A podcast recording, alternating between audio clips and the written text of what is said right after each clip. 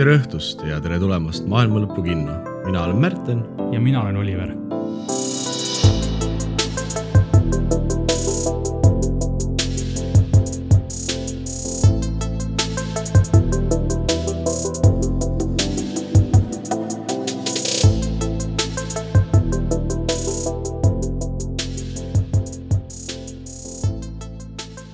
tere õhtust, kallid kuulajad, teie kõrvus on Maailma Lõpu kino. Mina olen ufo entusiastist Märten ja minuga on stuudios Oliver, mees, kelle maksuamet unustas. kuidas läheb? ma loodan, et nad selle podcast'i üles ei leia. see on, see on kompromiteeriv materjal tegelikult, vaata. jah.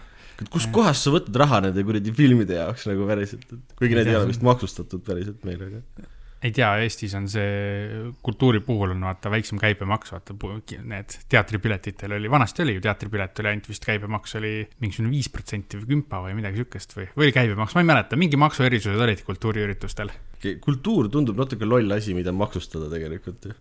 nojah, aga siis ju kus, kuskilt peavad need riigi omanduses olevad asjad ju raha saama ja ma ei noh, see on juba hoopis teine teema, kuhu need maksud lähevad ja mis iganes. just, ja meil ei ole üldse nii kultuurne podcast, meid igasugused teatrid, balletid, me ei tea, mis need on, milleks neid kasutatakse, mitte midagi, meie oleme siin filmide ja sarjade pärast. ja kui see ei tule värvilise ekraani pealt, siis see mind ei huvita mustvalgeid filme meil ka ei ole. mustvalgeid film-, ei no mustvalged filmid võivad olla niikaua, kui nad tulevad värvilise ekraani pealt.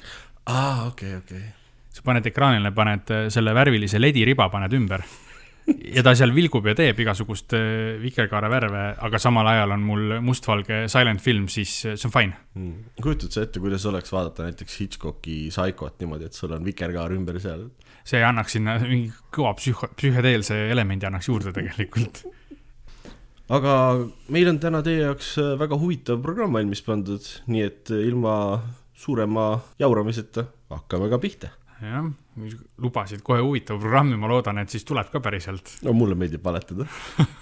Eriti kuna kuulajad ei saa midagi teha, nad ei saa kätte mind.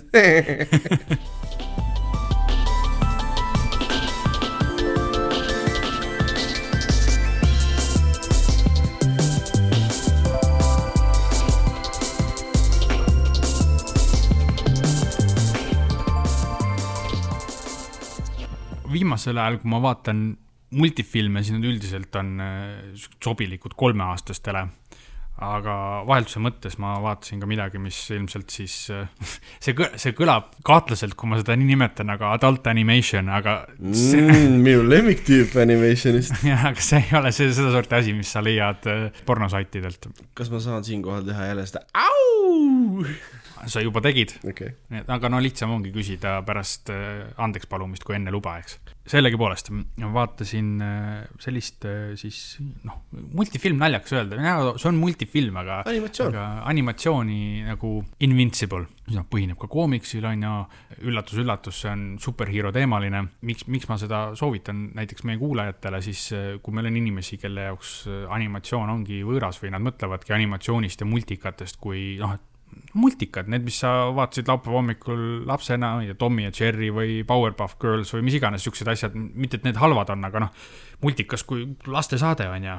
mingi stigma on ikkagi vist tänapäeval ka küljes natukene. ja ei, paljudel on see, et, et äh, nad ei, nad mõtlevad äh, animatsioonist äh, kui millestki muust kui lihtsalt animatsioon on täpselt samamoodi filmist erinev, kui on äh, mustvalge versus värviline film, üks või teine ei määra žanrit, see on lihtsalt mm. viis, kuidas sa edasi Kunst, annad seda pilti. jah, see on põhimõtteliselt see artistic direction on ju, üks lihtsalt ei ole filmitud äh, kaameraga päris näitlejatest, eks, vaid on joonistatud mm. -hmm. et see üldse tegelikult ei mõjuta, mis see sisu on aga noh, kuna ta on värviline on ju ja nii edasi, jah, nagu sa ütlesid, sihuke stigma on enamasti seda seostatakse sellega, et ta on ikkagi lastele mõeldud no need on ilmselt inimesed, kes ei ole näinud BoJack Horsemani, mis tõenäoliselt on kõige parem sari, mis kunagi tehtud, vähemalt noh, minu arust. ja üks parimaid kindlasti. ja see siin siis Invincible on animatsioonisari, multikas, multifilm, mis on, ta on iseenesest oma animatsioonistiililt on nagu realistlik et ta on nagu noh, ta on ilmselgelt on ju multifilm, aga ta on ikkagi joonistatud nagu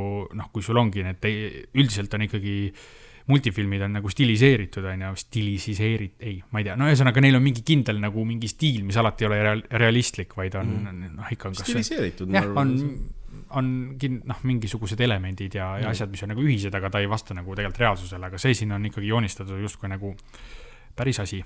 Ega noh, selliseid multikaid on ka tegelikult palju, aga need on ka enamasti ikkagi noortematele suunatud, ma ei tea, nagu mingi Teen Titans ja mingid sellised asjad, mis on ka tegelikult realistliku animatsiooniga, on ju, inimesed näevad seal välja nagu tavalised inimesed, eks, aga, aga noh, ta ei ole mõeldud nagu, või noh, ta on ikkagi nagu pigem mõeldud nagu noortele, eks mm. aga see siin on konkreetselt ikkagi seda mitte. et, et äh, kes ühesõnaga on, väga mingit, mingit kindlat suunda pole nagu valitud, lihtsalt ongi nagu hästi animeeritud ja Jah. okei, et ta on, ta on nagu superkangelaste teema, siis ma ei ütle realistlikum, aga natuke nagu rohkem sihuke eh, mitte nii suurejooneline ja sihuke Marvellik eh, lähenemine a la nagu The Boys, vaata, et kuidas oleks superkangelased, kui oleks see nagu päris maailm, eks. no seal on seal nagu hästi kapitalistliku vaatevinkli läbi, aga see sai sari on rohkem selline, no et mis see tähendab olla siis superkangelane ja, ja räägitakse vähe tõsistematel teemadel nagu noh, perega hakkama saamine ja mis sinu pärand on, kui sa oledki selline superkangelane ja, ja noh, kõige lõpuks ta on nagu meeletult, meeletult vägivaldne. see ongi sinu pärand siis.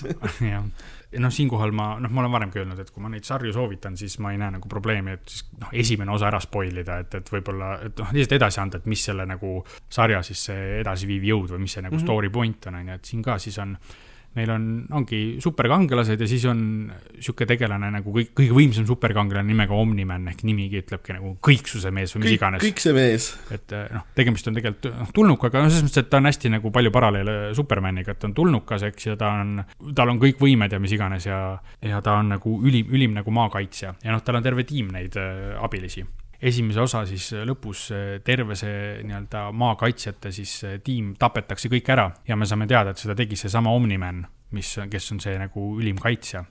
ja ülejäänud sari keerlebki selle ümber, et esiteks Omnimani poeg, kes on siis pool see tulnukas ja pool maalane, et noh, ta abiellus äh, siis maanaisega see poeg, kes üritab hakkama saada oma värskelt äh, välja tulnud siis superkangelase võimetega, et kuidas saada siis äh, heaks superkangelaseks ja kuidas toime tulla sellega, et, et äh, noh, tal on siis äh, salaidentiteet, alter ego ja et ta noh, koolis peab hakkama saama ja samas tal on isa, kes on põhimõtteliselt kogu maailma kõige kuulsam mees ja kõige, kõige võimsam mees mm.. ja noh, et tema nagu sama joont pidi tõenäoliselt.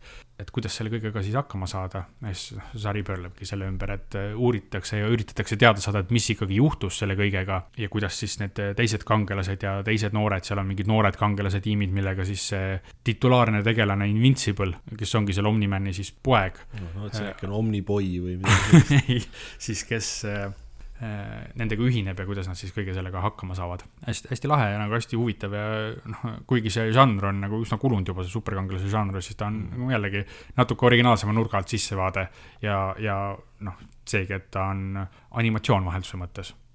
Kas nad muidu teevad palju neid, noh, nagu sa ütlesid, see Omniman on kind of obviously Clark Kent ehk siis Superman DC komiksist, eks mm. -hmm. kas nad teevad palju veel nagu mingisuguseid selliseid äh, viiteid või paroodiaid teistest äh, tegelastest kusagilt? Ma ei, ma isegi ei nimetaks neid ei viideteks ega paroodiateks, vaid lihtsalt paratamatult on alati mingid arhetüübid on mm. -hmm. sul on, seal on mingisugune sihuke Wonder Womani moodi sihuke, sihuke Battle Woman või sihuke, sihukest tüüpi tegelane on ju. Miracle Girl. ja seal on sihuke Batman'i tüüpi, tüüp, kes on sihuke gadget itega mm -hmm. vidinate, vidinate mees ja, ja, ja siis on mingi multiplying girl, ma ei mäleta nende nimesid, neil olid päris head nimed ka kõik, aga Okei, okei. aga kes noh, saab ennast mitmeks nagu nii-öelda mitte kloonida, aga siis teha enda, ennast paljundada on ju, ennast mitmeks teha ja, aga noh, need on kõik mingid niisugused põhilised levinud superkangelase arhetüübid, et need, kui sa mõtled, et mis on head supervõimed, siis neid on ikkagi mingi piiratud hulk on ju, et sa ei Jaa, saa nagu väga palju jaa. ei saa originaalitseda.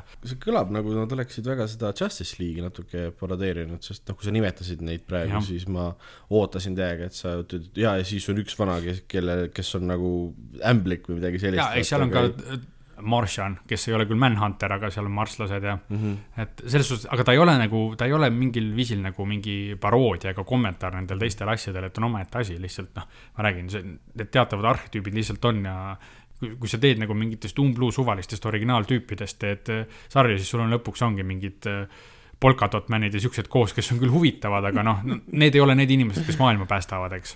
Polkadot Mani poster on mul magamistoas laes, ma ausalt tunnistan ülesse, see on laes jah, paljudel on peegel laes magamistoas, aga sul Omni, see Polkadot Man on mul jah. Ja lisaks sellele ma tahan ära tuua, et seal on nagu imeliselt lahedad osatäitmised, Omnimani ennast mängib J.K. Simmons näiteks. opa Ja minu arust-, instantly müüdud sari koheselt. et minu arust J.K. Simmons on sellepärast lahe, et äh, ükskõik, mis rolli ta teeb, tal on ainulaadne omadus, et sa kohe tunned ta ära.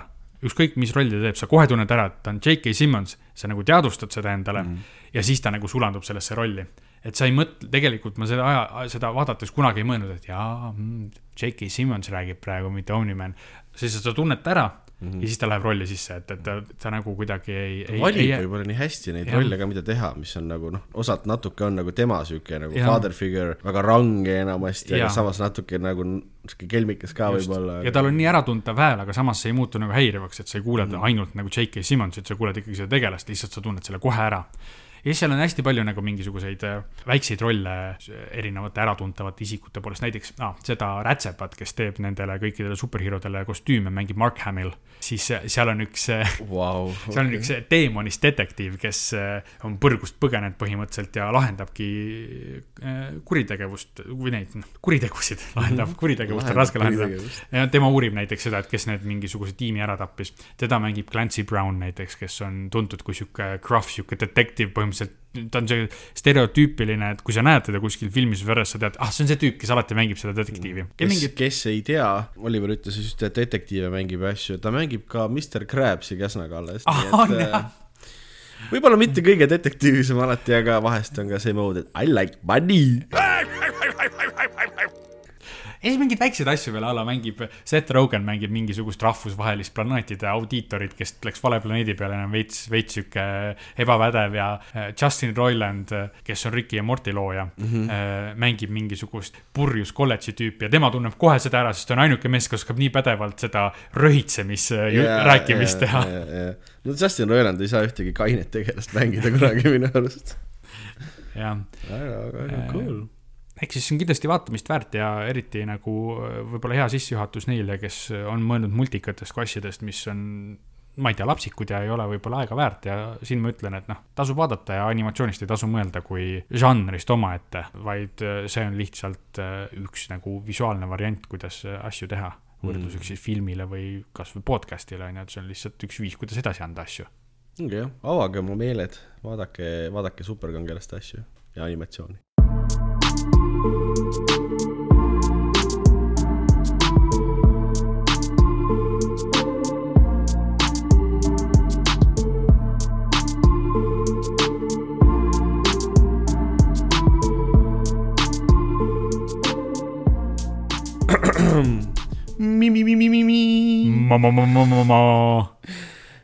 Nüüd tuleb see lahe muusikaline osa meie podcast'ist.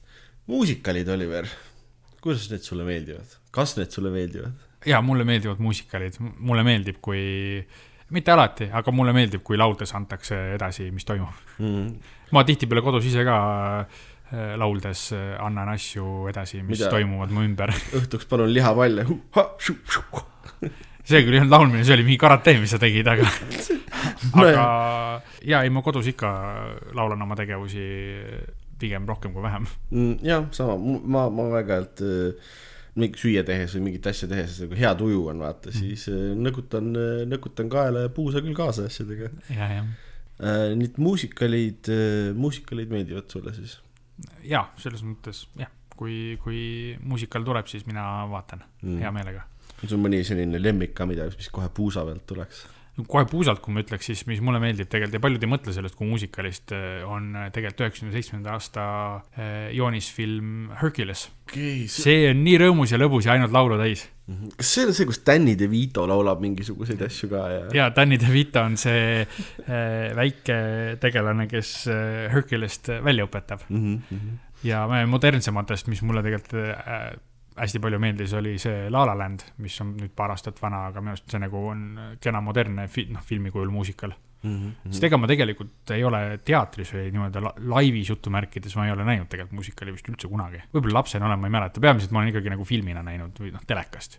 mulle endale on väga südamelähedased äh, filmi kujul see Rocky Horror Picture Show, mis ja. Minu arust on see on, see on kultusklassika. jah, ta on hästi lähedal sellisele kui keegi teeks minu jaoks mingi filmi mm, -hmm. nagu et see, see baseerub viiekümnendatel lollidel sci-fi filmidel ja näe, siin on laulu ja tantsu hästi palju ja siin on Tim Curry ka, ma nagu, kui palju, mida mul veel vaja õnneks on, eks ju.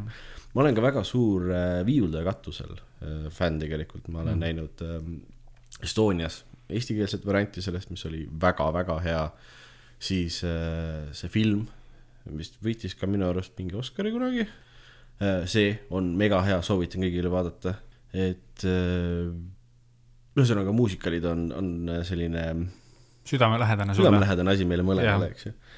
Äh, nüüd kindlasti rõõmustab sind selline huvitav fakt, et aastal kaks tuhat kuusteist otsustas keegi mitte ilmselt väga kaines olekus isik, et äh, muusikal oleks vaja teha sellisest frantsiisist, nagu seda on Resident Evil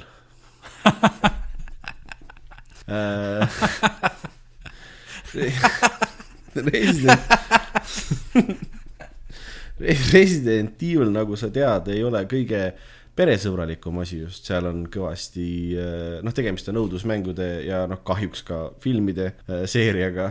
ja meie, mina ei tea, kas kahjuks, me hiljuti sinuga vaatasime terve selle seeria, kõik need ära, palju neid oli, kuus tükki või? kuus vist. selles mõttes, et need olid üsna absurdsed zombiseiklusfilmid, lihtsalt neil ei olnud mitte midagi Resident Eviliga pistmist peale selle, et seal olid zombid. jah, küllaltki, küllaltki. uus Resident Evil'i film tuleb ka ju välja varsti mm. -hmm. ma olen väga excited, sest et nüüd nad otsustasid, et nad teevad rohkem nagu sinnapoole siis mängudest rohkem võtta ja. inspiratsiooni story't.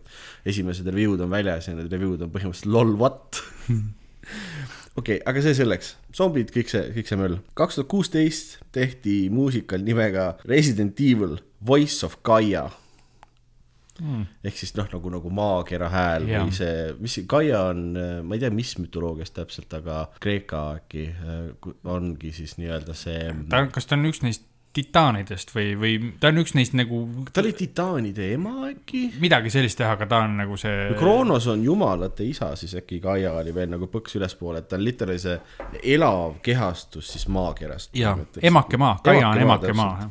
Resident Evil'i muusikalil on, on sama palju pistmist Resident Evil'iga, kui filmidel on, tegelikult veel vähem sarnasus piirdub nimega. sarnasus piirdub, nad ostsid nime ühesõnaga point on siis selline, et see, see toimub äh, äh, väikeses Horvaatia külas nimega Dubrovnik.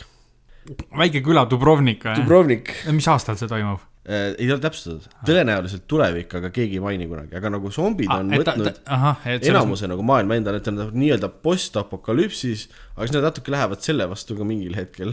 Mm -hmm.. ühesõnaga Dubrovniku küla müür on ümber, et zombid sisse ei saaks ja seal on nagu natukene ellujääjaid sees. ja ühel hetkel tuleb välja, et kusagil Linosa saarel, mis on Sitsiilia lähedal, äh, on siis keegi tüdruk, kes on zombihammustuste vastu immuunne igas apokalüpsises on keegi selline. just, see on nagu see, et oh, see on meie ainuke pääsemine. siis see osa tegelasi otsustab, et nad lähevad nagu äh, nüüd otsima seda, kuna see on nagu ainukene viis noh, maailma päästa või inimkonna nüüd viis meid päästa. aga nad lähevad lauluga? Nad lä-, ei, nad lähevad jalgratastel sest et, et oleks võimalikult vaikne, noh, et jalgratastelt võetakse kellad küljest ära, et keegi uljas ei saaks vahepealt zombidele till-till tõmba eest nahhi teha, vaata onju, et see on nagu halb onju. see on õige, nad on ju, ju nad on õppust võtnud sellest äh, apokalüpsises filmist A Quiet Place, vaatasid enne kui hakkasid sõitma onju. no täpselt, nad on meie podcast'i kuulanud fännid. et äh, et siis inimesed saaksid nagu müüride vahelt välja sedasi, et zombid neid nahka ei paneks kohe. tekib hästi hea plaan, osa inimesi läheb Äh, linna teise otsa, hakkab seal hullult laulu ja tantsu tegema ja siis zombid nagu lähevad vaatama, et mis siin toimub nagu nüüd on müüri teisel pool ja siis nad saavad jalgratastega nagu jalga lasta. ja sealt hakkab, lähebki nagu plott edasi, tulevad USA, USA merevägi mingil hetkel ilmub välja, kelle äh, allveelaevaga siis äh, nad nagu sõidavad, et noh, aitame teid, eks ju, siis seal on, kõik on jaapanlased muidugi ja see on nagu mm -hmm. muusikal, ta ei ole nagu filmimuusikal ta on filmitud lavamuusikal. aa, aa okei. ta nagu toimub laval selles mõttes mm, -hmm. see lavaline liikumine ja kõik see noh, need kulissid ja asjad, nad on jube hästi nagu ära kasutanud seda lava asja mm, -hmm. et nad peavad sulle korraga tegema väikest Dubrovniku küla. samas ka seda, kui keegi on allveelaeva katusel selle, noh, see väljaulatuv osa osa seal peal vaatab merd, on ju, see on nagu abstraktselt, aga väga nagu usutavalt, ta nagu mitte, mitte noh, petab päriselt ära, aga sa saad nagu pointile pihta, see atmosfäär kohe tekib, et see töötab, see väga hästi töötab. seda sa oleks pidanud kohe ütlema, see lõi mul pähe hoopis teistsuguse pildi, kui see on nagu tegelikult teatrilaval filmitud. et kas mm., aga kas see on siuke, et sul ongi terve aeg kuskilt tagant filmitud üks kaamera mm. või seal on mitu kaamerat ja vägev kaameratöö on selles jaa. mõttes, kui uus tegelane tuleb, tuleb alla kenasti kiri, et mis see näitleja on, mis tegelane, eks ju, miks ta siin on, noh, põhimõtteliselt sihuke värk, et nagu nad on nagu vaeva nähtud selle asjaga väga, väga hästi. ma ütlen sulle ausalt, see tundub mulle kohe palju parem. see annab nagu juurde mingisugust nagu authenticity't sellele. ja, ja äh, hästi cool asi, mis minu, mul on nagu, mulle meeldis, alguses ei pane nagu tähele, aga inimesed, kes ei ole nakatunud mm., nad nagu laulavad, aga ka zombid väljendavad ennast nagu läbi tantsu just, et nad nagu ei laula, eks ole, nad on surnud mm. -hmm. ja kõige cool'im, minu lemmikasi üldse seal oligi see, see erinevad äh, numbrid zombide tantsimisest see oli nagu sihuke modernne selline noh, nagu väga selline Taidlemine. nagu, taidlemine, modernne taidlemine oli hea et see oli nagu kõik lavastus ja kõik oli, oli, oli väga hea. aga ühel hetkel ma nagu sain jah aru, et, et Resident Eviliga on, nimi on Resident Evili oma, ja zombid on mõlemas. zombid on mõlemas ja minu arust nad alguses mainisid ka, et see, kust see viirus siis tuli, et, et Alaskal sulas jääst välja mingisugune miljon aastat seal olnud mingisugune asi. Alaskas sulas see välja ja maandus Dubrovnikus. no nojah, okei okay,, see võttis terve maailma üle. Dubrovnikusse ta jõudis nagu viitega selles mõttes ja ja siis nad nimetasid seda progenitor viiruseks, mis sealt tuli, et see noh, mängudes on progenitor virus on see, millest nagu kõik need teised viirused nagu siis nii-öelda süteesitud on, et progenitor on siis nagu loomulikul teel Jaa. tekkinud kunagi ammu hästi rare mingi viirus Aafrikas, eks ju, ja sealt Jaa. nagu teadlased tegid siis paha T-virusi ja nii edasi. ja neil on seal nakatunud vaalad näiteks, keda jaapanlased viivad Black Mobi kas see on nagu afrosamurai või? et par-, parvetäis Black Mobisi ja siis eh, noh, ma ei hakka väga palju spoil ima seda asja rohkem keegi tahab eh, vaadata seda, ma ka soovitan.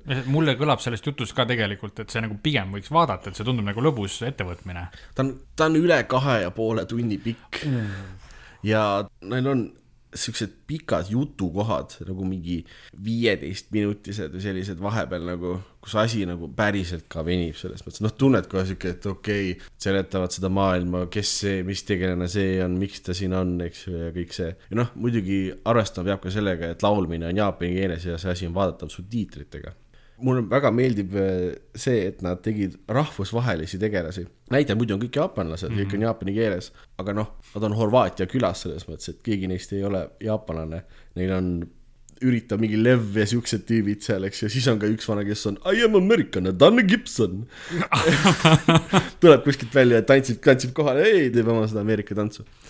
ja see kõik on nagu, Ameerika tants ju. nojah, see on see teate küll, onju, Ameerika tants. see, millega vabastatakse riike.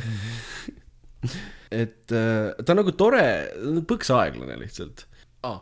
ta on täispikkuses üleval Youtube'is.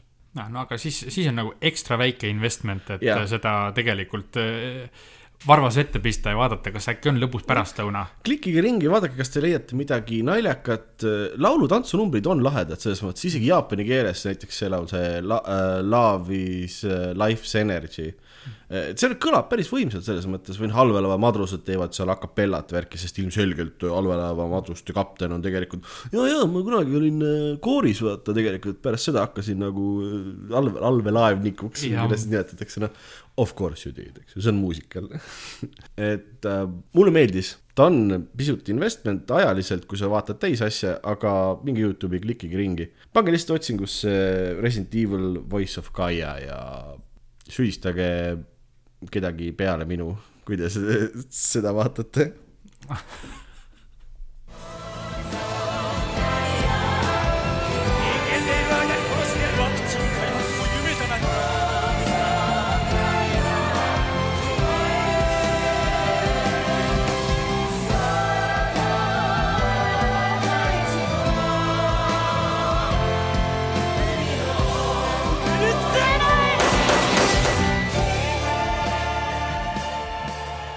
siin läksin tegelikult kõrvale nendest žanritest, mis mulle tavaliselt noh, kõige rohkem meeldib vaadata ja vaatasin seekord ühe romantilise komöödia ära.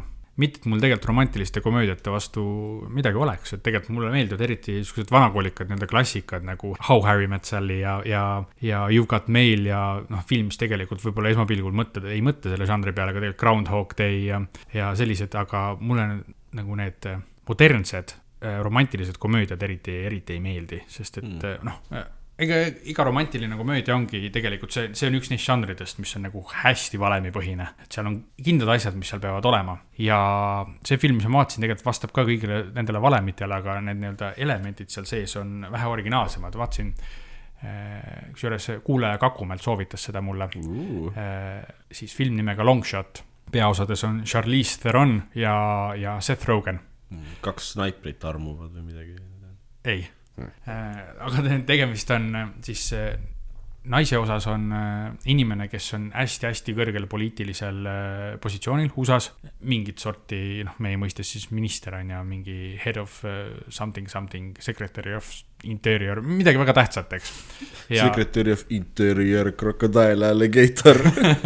Ja, ja siin selle filmi käigus siis ta üldse hakkab presidendiks kandideerima, siis selleks palgatakse tema kõnede kirjutajaks siis tema eh, keskkooli ja, ja, ja kolledži aegne siis tuttav, keda mängib Seth Rogen, kes on veits sihuke aktivisti olemisega, sihuke anti-establishment eh, mm. ajakirjanik, kellel on ka siis omad tingimused seda teha ja noh, see on jälle klassikaline paar, kes nagu esmapilgul hästi kokku ei sobitu, eks mm. -hmm. ja siis nad hakkavad seal üksteise vastu tundeid leidma, noh, eh, sealjuures seesama Seth Rogen tegelane siis oli juba väiksest saati temasse armunud. aa ei, nad tutvusid üldse niimoodi, et see naine oli tema lapsehoidja noorena. kinky stuff. just, just, just ja, ja noh, selles mõttes kõik läheb selle valemi järgi, et nad seal hakkavad omavahel nagu abielluma ja siis tuleb mingisugune konflikt, millest nad peavad üle saama ja lõppude lõpuks kõik loomulikult lõpeb õnnelikult, eks, sest nii peab olema.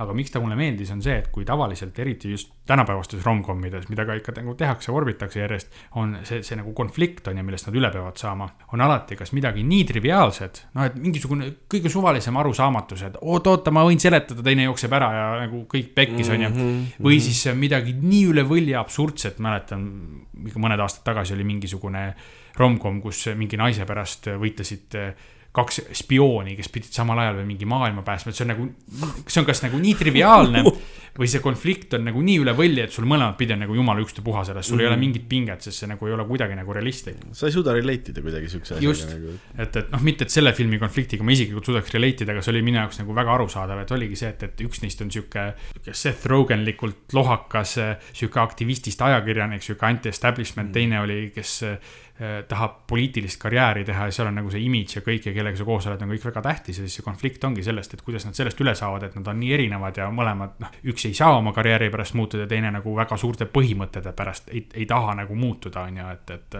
nii-öelda sell out olla või mis iganes.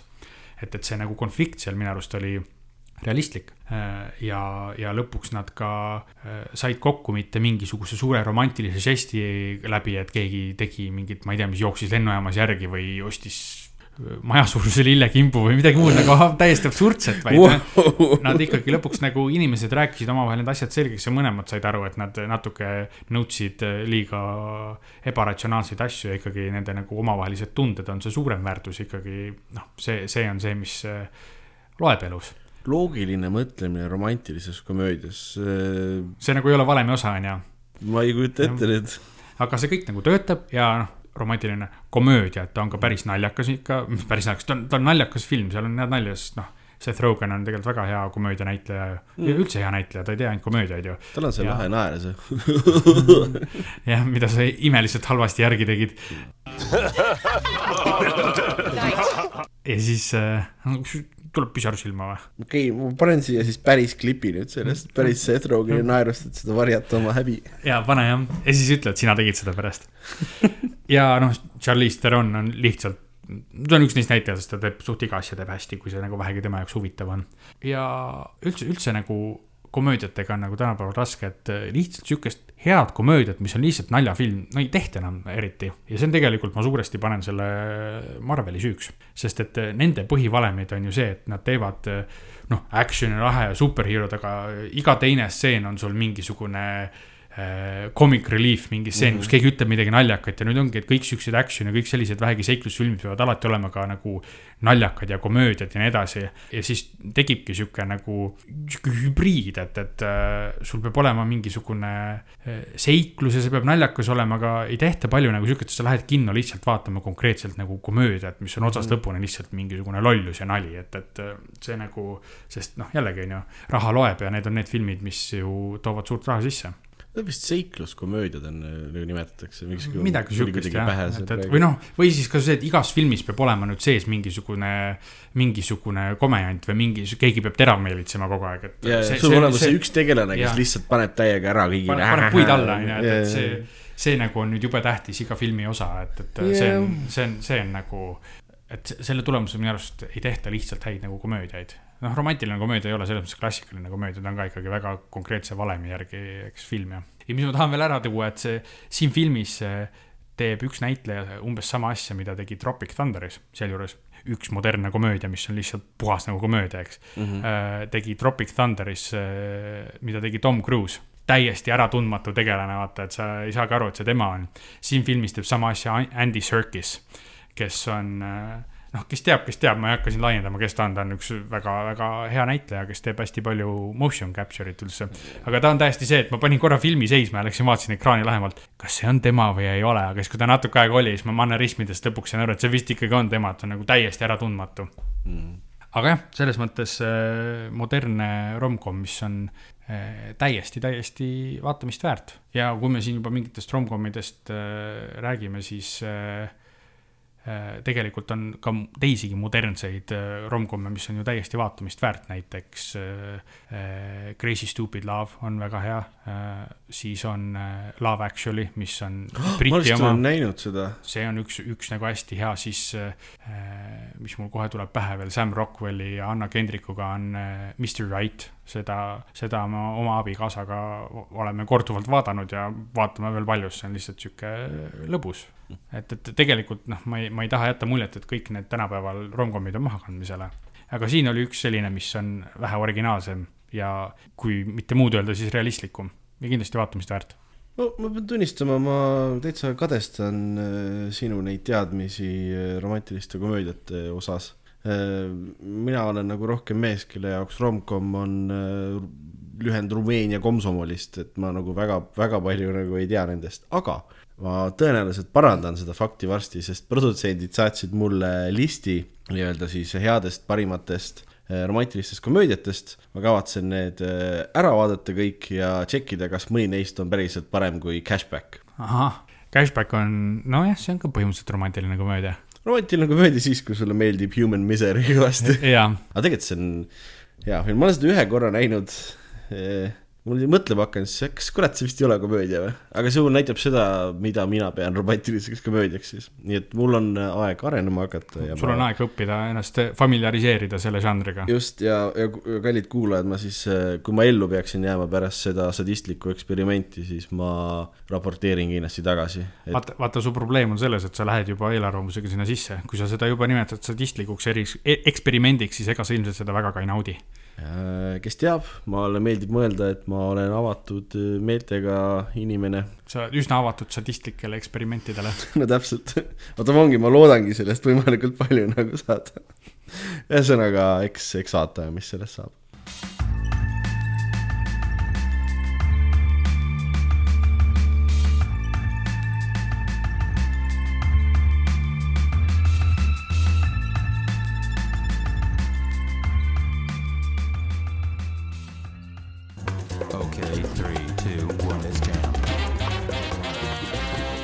on äh, hea võimalus rääkida kosmosest ja džässist, kaks minu suurt lemmikasja. uhi uus sari nimega Cowboy Bebop, selle esimene hooaeg tuli nüüd terve portsuna välja. no ma ei tea, kas see sari ise Uhi uus on, see, see konkreetne iteratsioon sellest sarjast on Uhi uus ja,. jah, jah, see konkreetne iteratsioon sellest on, on uus. ühesõnaga see live action iteratsioon, et tegelikult sari äh, põhineb animel aastast üheksakümmend kaheksa, mida oli kakskümmend kuus osa. ja seda peetakse üheks selliseks noh, noh the anime'ks on ju, et nagu selleks tõsiseks klassikuks. seal ja sealjuures täiesti nagu vastuvõetav ja heiditav ka lääne publikule mm. -hmm, jah, absoluutselt äh,. hästi pull on see, et kui äh, jaapanlaste nüüd see live action versioon on tegelikult noh, jaapani keeles, siis äh, peale loevad seda originaal anime näitlejad, vaata need voice actor'id uuesti et see, see oli sihuke, sihuke lahe panin kohe kirja IMDB skoori, IMDB skoor selle uue live action versioonil Cowboy Bebopist on kuus koma seitse, originaalanime punktid seevastu kaheksa koma üheksa. et selline märkimisväärne vahe. märkimisväärne vahe on. Äh, mina päris aru ei saa sellest, aga äh, sarja premise on sihuke suhteliselt lihtne, meil on kaks bounty hunter'it, Spike Spiegel ja Jet Black keda mängivad vastavalt siis äh, John Cho äh, Spike Spiegelina ja Mustafa Shakir, keda mina tegelikult ausalt öeldes kuskil varem väga palju ei tea, võib-olla see nimi ütleb sulle midagi. nimi ei ütle mulle küll, jah. aga John, John, John, lasi vesi välja John Cho oli äh, Harold filmidest, Harold and Kumar Go to White Castle ja, ja ja Harold and Kumar kaks, mis oli Harold and Kumar Go to Prison või mis iganes. Return to White Castle ei olnud või?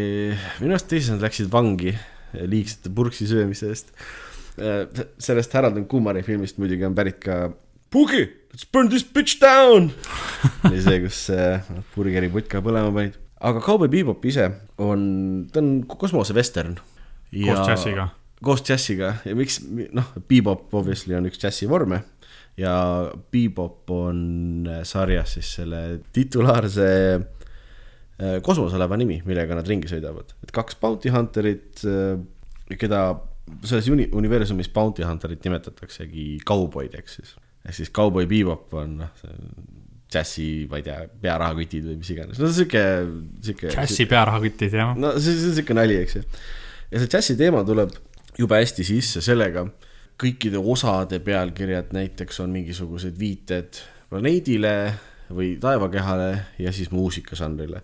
ja üldse see on hästi muusikast läbi, läbi imbunud sari, kogu aeg on nagu see taustamuusika on hästi selline nagu hoogne, sihuke džässilik, see loob nagu sellise väga suitsuse ja kohvise atmosfääri pisut sellele sellele maailmale ümber ja see, see, see muusikakasutus on minu arust ülistiilne. ja no originaalis ka, ma olen originaali olen näinud, äh, mitte küll kõike, aga seal on see noh, jällegi sellel atmosfääril, miljööl on hästi suur roll mm. -hmm et, et ongi see, missugune maailm see on, eks ju, ta on, ta on selline nagu fun, aga ta on samas selline pisut nagu räpane. ja arvestades see asi toimub nagu äh, meie päikesesüsteemis, aga noh, inimkond on laienenud maa pealt nagu edasi Marsile ja noh, kus veel nagu päriselt nagu mõistlik oleks elada, mhm. kosmosejaamad lihtsalt ka orbiidil. et see maailm on korraga nagu tulevik, aga ta on selline low-tech küllaltki et nagu mingi kassettmakid näiteks on kasutusel veel ja no ongi see, et mm -hmm. nagu ressursse kui sellist on nagu suhteliselt vähe maailmas ikkagi, et nagu rikkust ja. ei jätku kõigile, et nagu päris palju on sellises nagu, mitte vaesuses, aga nagu veits iganenud tehnoloogia. Mõt... värs-, värske asja jaoks ei ole raha lihtsalt no, ja võimalusi. just, e, et ma mõttes nimetasin seda kohe mitte cyberpunkiks, aga tape punkiks nagu, et see on nagu kassetipunk on ju, et mul mm, -hmm. et see on kuidagi loogiline minu jaoks. et noh, arvutid on ikka natukene vana, vanad selles mõttes ja enamus inimesi sõidab ringi veel ratastega, autodega, kuigi osadel on, kellel on raha, need lendavad, no, seda tüüpi maailm selles mõttes. aga see tuleneb ka suuresti sellest, et see on ju üheksakümnendate lõpus tehtud ja ega mm -hmm. noh, tollal oligi see tehnoloogia tase selline ja võib-olla siis ei, ei ei tahetud ja tehtud nii palju seda tuleviku visioneerimist. -hmm. no ta ongi, ta on selline stiilne, värviline segapudru nagu kõigest sellest Story't ma tegelikult väga palju nagu ei saagi ära rääkima hakata, sest et äh, sarja on hetkel ainult kümme osa, tuleb ka noh, järgmine hooaeg, sest ja. et äh, väga vaadatud oli. Ah, seda ma tahtsin seda ma tahtsin mainida, et neil on peale Spike Spiegeli ja Jet Blacki, mis on nagu tegelikult päris badass nimi mustanahalisele mm. Bounty Hunterile, on meil ka äh, Faye Valentine, keda mängib Daniela Pineda mina ei, sellest näitlejannast ei olnud ka enne, ei teadnud tema, tema tööd väga, aga ta hakkas hullult meeldima mulle, sest et tal on super, super segu sellisest veits saamatust karismaatilisest huumori asjast mm, -hmm. aga ma olen ka salaja räige pääres mm. -hmm. ja see tuleneb sellest, et ta nagu, ta ei mäleta oma äh, minevikku, kuna ta oli mingi äh, krüogeeniliselt külmutatud siis. et nagu noh, vange hoitaksegi, sind külmutatakse ära mingiks ajaks nagu Demolition Mani filmis ja. põhimõtteliselt. aga tal oli see, et tal nagu mä mälestused kadusid ära pärast seda ja tema see see pakett siis või nagu see pack, kus on sinu asjad sees, mis sul enne olid seal, et sa saad nagu video teha endast ja rääkida, kes või mis asi sa oled mm. -hmm. et see varastati ära nagu et siis ta, tema nagu, noh, ta ajab taga seda seal ja. sarjas. ja minu lemmiktegelane on selline hästi nunnu korgin, kelle nimi on Ain. Noh, kirjutatakse siis nagu EIN nagu üks mm -hmm, nagu saksa keeles, aga mulle meeldib mõelda, et see on eesti nimest Ain tulnud. jah et jah, jällegi see, see, see muusika on, on nagu üks neid suurimaid tõmbenumbreid, samas ka need värvilised fight scene'id. et minu jaoks oli see kokteil hästi hoogne, naljakas, kõiki neid asju, mida sa nagu ootad, aga samas tal on nagu selline väga kindel stiil. Et nagu jah, jällegi kogu aeg rõhutan seda džässi asja, aga ta veidi, veidi on nagu see džässi vibe näiteks kui mingi kaklus siin hakkab, siis korraks näidatakse mingist täiesti teisest noh, kohast, mis ei ole üldse seotud sellega. mingisugune džässibänd hakkab nagu, paneb instrumente paika, umbes hakkab fight siin pihta, siis ta.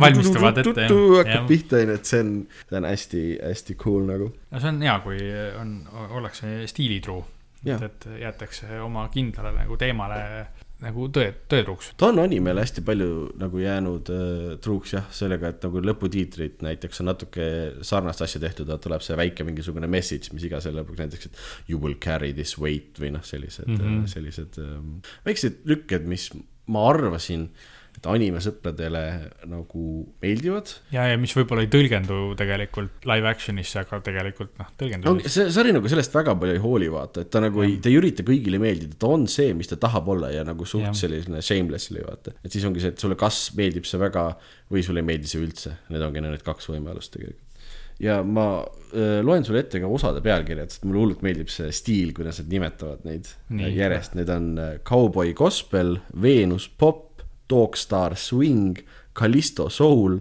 Darkside Tango, Binary Two-Step, Galileo Hustle, Sad Clown A Go-Go, Blue Crow Waltz ja viimane osa on Supernova Symphony ohoh, jah, vot need on innovaatilised äh, žanrid. no just, et keegi võiks need valmis teha. aga see on nagu, nagu nii cool, et siukseid väikseid touch'e on seal hästi palju, mis nagu, seda stiilitunnetust, mis mulle väga ja ma tean, et sulle ka hullult meeldivad, näiteks, et noh, Smoking Aces on asi, millega ma natuke võrdleks seda, ta mm -hmm. ei mhm. ole nagu nii vägivaldne ega nii, nii ropp, kui Smoking Aces on. aga ta on sihuke nagu tempokas ja väga selline, ah, me teame küll, mis me teeme, ärme ürita kõigile meeldida tüüpi ja. film et see on päris cool, nii et äh, Cowboy Bebop saab, äh, saab minult väga suure soovituse, savi, mis kriitikud ütlevad. ja jällegi ainult kümme osa. ainult kümme osa. ajaliselt manageeritav. ma, ma ei hakka valjusti ütlema, et ma põhimõtteliselt kahe päevaga vaatasin selle, need kümme osa ära jutti. oih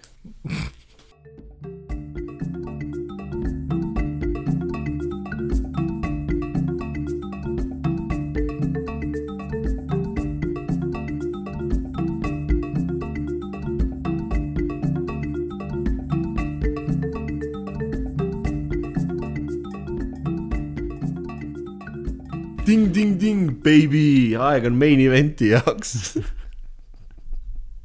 ütleb ema, kui toit valmis on. jah, aeg on rääkida sellenädalasest linastusest Maailma Lõpu kinos. jah, ja selle nädala linastus Maailma Lõpu kinos on äh, hiljuti välja tulnud film Red Notice, mille peaosas on Dwayne The Rock Johnson, Ryan Reynolds ja Wonder Woman. Nii. ehk Gal Gadot. ma olen alati Gal Gadot talle öelnud, aga see vist on sealjuures eh, sa oled tähele pannud, et eh, tehniliselt me oleme nüüd eh, Dwayne The Rock Johnsoni fännkäest, sest viie osa peale, see on juba teine film, kus tema on peaosas mm,. nii-öelda põhi, põhi, põhifilmina. ma arvan, et me peaksime siia seina peale tema, tema foto panema. altari tegema. just, et nagu ta on meie patron saint nagu, kivi film Red Notice räägib kunstivarastest, Ryan Reynolds on üks nendest kunstivarastest. tehniliselt ta ise, ta ise arvab, et ta oli, Nathan Booth oli tema nimi. Äh, aga noh, tema enda sõnul on ta kõige parem kunstivaras maailmas mm. -hmm. number üks. Äh, teda ajab taga selline FBI agent nagu John Hartley, keda mängib Dwayne The Rock Johnson. muidugi ka The Rock Johnson öelda. kindlasti tuleb täisnimi alati öelda. ja, ja filmis on siis pahalane, kes on ka kunstivaras uh, The Bishop. tal on siis sa- salajane nimi, code name või kuidas. Koodnimi, jah. koodnimi. Bishop uh,. Bishop on mingi malend ka, on küll jah. kas me teame, mis malend see on, või vist kõva, kumbki kõva malemees ei ole, aga kas äh, Bishop ei ole odav või? ütleme, et on. jah Ja- ma olen Queen's Gambitit vaadanud, ma tean malest hästi palju. okei. ja ühesõnaga mm, filmi tegevus hakkab Roomas pihta, kus uh, Booth ehk siis, mina kavatsen öelda le- näitlejate nimed. Ütleme näitlejate tegelaste nimed, jah, nimed, see on suhteliselt savi, nad mainivad mingi kolm korda igat ühte umbes, siis on nagu lihtsalt. ühesõnaga Ryan Reynolds siis äh, kavatseb äh, varastada ühe siis Cleopatra kolmest munast. Need, need, need, meditsiiniline termin on ikkagi munasarjad, et neid üldiselt on kaks. Aga jah, temale tehtud siis äh, nii-öelda, kuidas sa ütled, nagu, nagu pühade munad, kuldmunad tehti talle kolm tükki.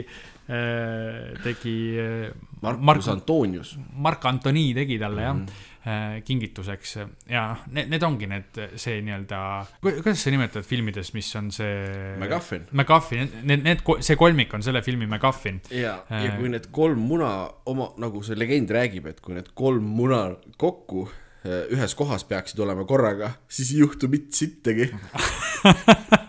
aga noh eh,, nagu ikka kollektsionäärid, nad tahavad, et täiskomplekt oleks koos ja probleem on selles, et kaks neist on olemas. üks on kuskil muuseumis, noh, kus me avastseenis seda eh, varastamegi seal ja teine siis eh, teine on kuskil mingi kellegi privaatkogus, mis tuleb ka muidugi ära varastada ja kõige suurem probleem, et kolmas on, et seda ei ole mitte kunagi leitud. ma ei tea, kas see nagu päriselus ka vastab tõelisusele või ei, aga me ei tea, kas Cleopatra'l oli päriselus kolm muna. no selles mõttes, et need, need on minu arust päris, noh, need on nagu päris artefaktid. no Aa. nagu ikka, sa tead päriselust rohkem kui mina. ma võin ka eksida, aga minu arust on. ja siis hakkabki seiklus on ju, et, et seal komejant hakkab pihta. komejant hakkab pihta ja nagu iga hea selline varguse ja heistidega seotud film, seal ikka on pidev mingi kavaldamine ja ülelaskmine, küll mängib seal kedagi üle see meie kunstiröövel Booth, Ryan Reynolds mm., küll mängib teda üle meie FBI agent äh, Dwayne The Rock Johnson, küll kavaldab neid mõlemaid üle omakorda see rivaal Bishop, Gal Gadot mängitud Bishop äh, ja siis veel omakorda kavaldatakse üle ja nii edasi ja tagasi ja järjest käib üks suur kavaldamine mm, -hmm. mis on kohati muutus tüütuks, aga samas oli ka nagu päris lõbus seal. Ja tü-, tüütuks ma ütlen, ütleks, et äh, muutus see sellepärast, et ma sain, mina saan kohe filmi peale pahaseks, kui miski ei ole nagu väga loogiline. enamus filmi ei ole asi loogiline ja noh, võib-olla lõpus siis muutub loogiliseks. ja see on nagu see, et äh, Märteni kurtmine selle filmi jooksul oli väga nagu õigustatud, aga nagu siukses jällegi heas heist-filmis ikkagi lõpuks sulle nii-öelda siis avaldatakse, mis, mis siis tegelikult toimus. ja, ja see nagu õigustas tegelikult ära selle.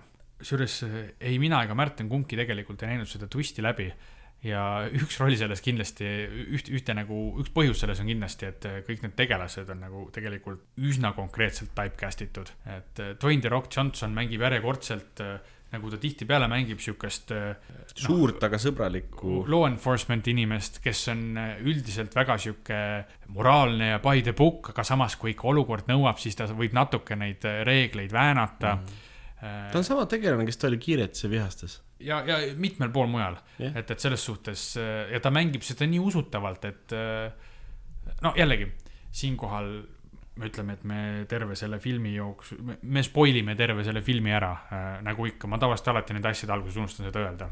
ja siis meil on Ryan Reynolds, kes äh, tegelikult mängib siin peresõbralikumat Deadpooli. Ja, ja ta on seda teinud peaaegu igas oma viimases filmis, alates äh, Hitman's Bodyguardist kuni Hitman's Bodyguard kaheni ja et, et, et, et selles mõttes, et ta mängib ka suhteliselt, ta mängib seda väga hästi, aga need on alati mingisugune sihuke PG-13 variant Deadpoolist. Ja kusjuures veel paralleele tuues, siin filmis ta mitu korda teeb nagu, see ei ole otseselt nagu neljanda seina murdmine, aga ta teeb mitu korda nagu mingeid märkusi, et jaa, et ah, nendest valuritest me saame mööda, et need on, need on mingid ekstrad lihtsalt, featured extras. Ja isegi, isegi ta nimetas sedasama kolmandat muna selleks äh, MacGuffiniks. MacGuffiniks ühel hetkel. konkreetselt tüüp ütles, et noh, see jura, tead küll, noh filmi point, et peame järgi mis me, mis me minema. järgi peame minema. mingi lollus. et, ainuke erinevus, kes ei olnud üldse minu arust typecast oli Gal Gadot mm, -hmm. kes on üldiselt ka mängib igal pool nagu head tegelast, aga siin minu arust, minu jaoks oligi nagu see kõrg, kõrg äh, hetk selle näitamis oligi, et nii lahe oli vaadata, et oli ilmselgelt väga lõbus mängida siukest veidi over the top siukest mm -hmm. villanit tegelikult, et neis stseenides, kus ta oli nagu siuke evil ja tead, siuke ma lasen teid üle ja teen ja, Ja, ja, ja. mingis stseenis, kus seal toimus kerge sihuke piinamine, peresõbralik piinamine,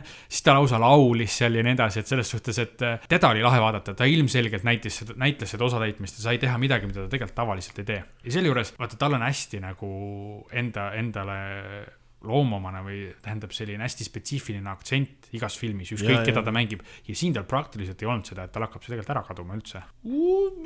jah, ma. Ei, seda oli kõvasti panin, vähem. panin tähele Ei, tegelikult aga ikkagi aeg-ajalt. vähem kui Wonder Womanis. ja kindlasti vähem, et seda ei olnud peaaegu üldse, aga vot minu arust Gal Gadot tegi siin, see oli nagu parim osatäitmine, et ta oli siin tõesti nagu tal ilmselgelt äh, oli vahva seal teha seda tegelast, sest ta mm, ta sai lihtsalt mängida mingit over the top, mingit kunstiröövlist villanit. jah, jah. ma rääkides Gal Gadost, ma nüüd eh, teen šokeeriva avalduse siinkohal. mulle üldse ei meeldi Gal Gadot.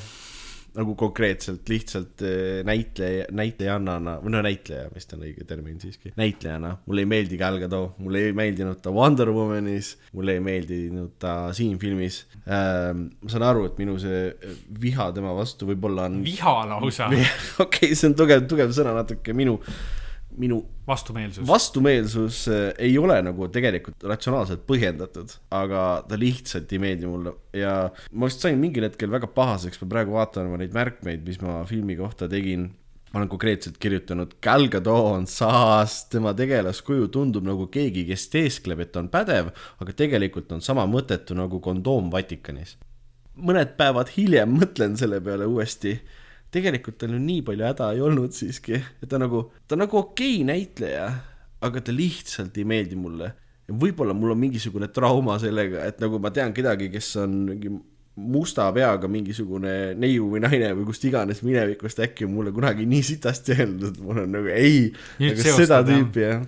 ja ei, ma ei oska sellega nagu nõustuda, et noh, üldiselt ta näitlejana noh, nendes asjades, mis ta teeb, kui nad on Wonder Womanis olnud, siis ta oli kiiretes vihastes ja noh, teisigi asju, mis ta on teinud, mis mul kohe meelde ei tule, et ta on üldiselt sihuke noh, võta või jäta, onju. ta ei, ta ei ole kunagi mulle ette jäänud, et ta on ekstra halb või midagi mm. -hmm. ja samas ta ei paista ka silma, aga noh, nagu ma just pikalt rääkisin, siis minu arust siin filmis ta jäi mulle just silma, et, et et noh, aga võib-olla seal ongi see nagu võrdlusmomendi asi, sest need teised kaks tegelast olid nagu nii ootuspärased sellest, mis sa neist näitlejatest tavaliselt näed, et, et ja Gal Gadot tegi minu arust nii teistsugust asja, kui ta tavaliselt neis teistes filmides teeb, et mulle jäi see nagu kohe silma ja, ja, ja mulle meeldis tegelikult. mm. -hmm. nii et meil on põhimõtteliselt siis meie kolmikust on kaks, kaks näitlejat, kes mängivad seda tegelast, keda nad mängivad igas teises filmis ja meil on üks näitleja, kes mängib äh, hoopis teistsugust tegelast. täiesti teistsugust asja mis. on iseenesest, see on huvitav, et nagu noh, põhiroll Gal Gadot'l on Wonder Woman, ma, ma ei tea, kas ta midagi muud veel vahepeal teinud väga palju on. ei no teine tal on see kiirete ja vihaste asi, aga noh, seal ta mingis osas suri ära ja siis teda rohkem ei olnud, ta aga oli seal ka või? ta oli kiiretes vihastes mitu filmi, jah, ta oli see Haani äh, silmarõõm. aa jaa, jaa, okei. Haan on tagasi, see on tore. jah, et, et ta sai, sai jah, noh, ta filmis on, on ta nagu selles pahalase rollis selles Jah. mõttes. nagu Oliver juba mainis, ta seal ka eh, piinab peresõbralikult ka Rocki kolmandat muna Dwayne vahepeal. The Rock Johnson. Dwayne The Rock Johnsoni kolmandat muna vahepeal. üldiselt filmist rääkides on see, ta on hoogne, ta on, ta on, tegelikult ta on lõbus. ta on lõb-, jah, lõbus, lõbus on küll, naljad on, ma ütleks umbes täpselt fifty-fifty nagu. viiskümmend protsenti on cringe ja viiskümmend protsenti on ja ma ütleks selle filmi kohta, et see film on, see film on tühjad kalorid. selles mõttes, et äh, ta on, ta, ta on lõbus, sa paned ta taustaks või tega-, noh, ega meie vaatasime konkreetselt vaatasime seda ja mul absoluutselt ei olnud oma ajast kahju, aga mul ei oleks olnud ka täpselt samamoodi kahju, kui ma oleks sellest ilma jäänud, teades, mis see on. et, et ta on äh, täiesti, täiesti normaalne vaatamine. ta on see action seikluskomöödia, millest ennist mm -hmm, rääkisime, see mhm. sihuke, et äh, ilusad värvilised lokaalid, action'it on, teevad oma nalju ja asju, aga see kõik on nagu üsna ebaoriginaalne. ähm,. kunstivargad siis äh, pärast seda Roomas äh,, seda esimese munavargust nii-öelda, pannakse Rock ja, ja Ryan Reynolds koos vangi, väidetakse, et Rock on ka pahalane ja siis tekib selline lahe padikopku dünaamika nende vahel. See mulle, mulle alati meeldib sihuke asi, jaa, mulle ka täiega, üks on buddy ja teine on kopp põhimõtteliselt selles Jaa. filmis.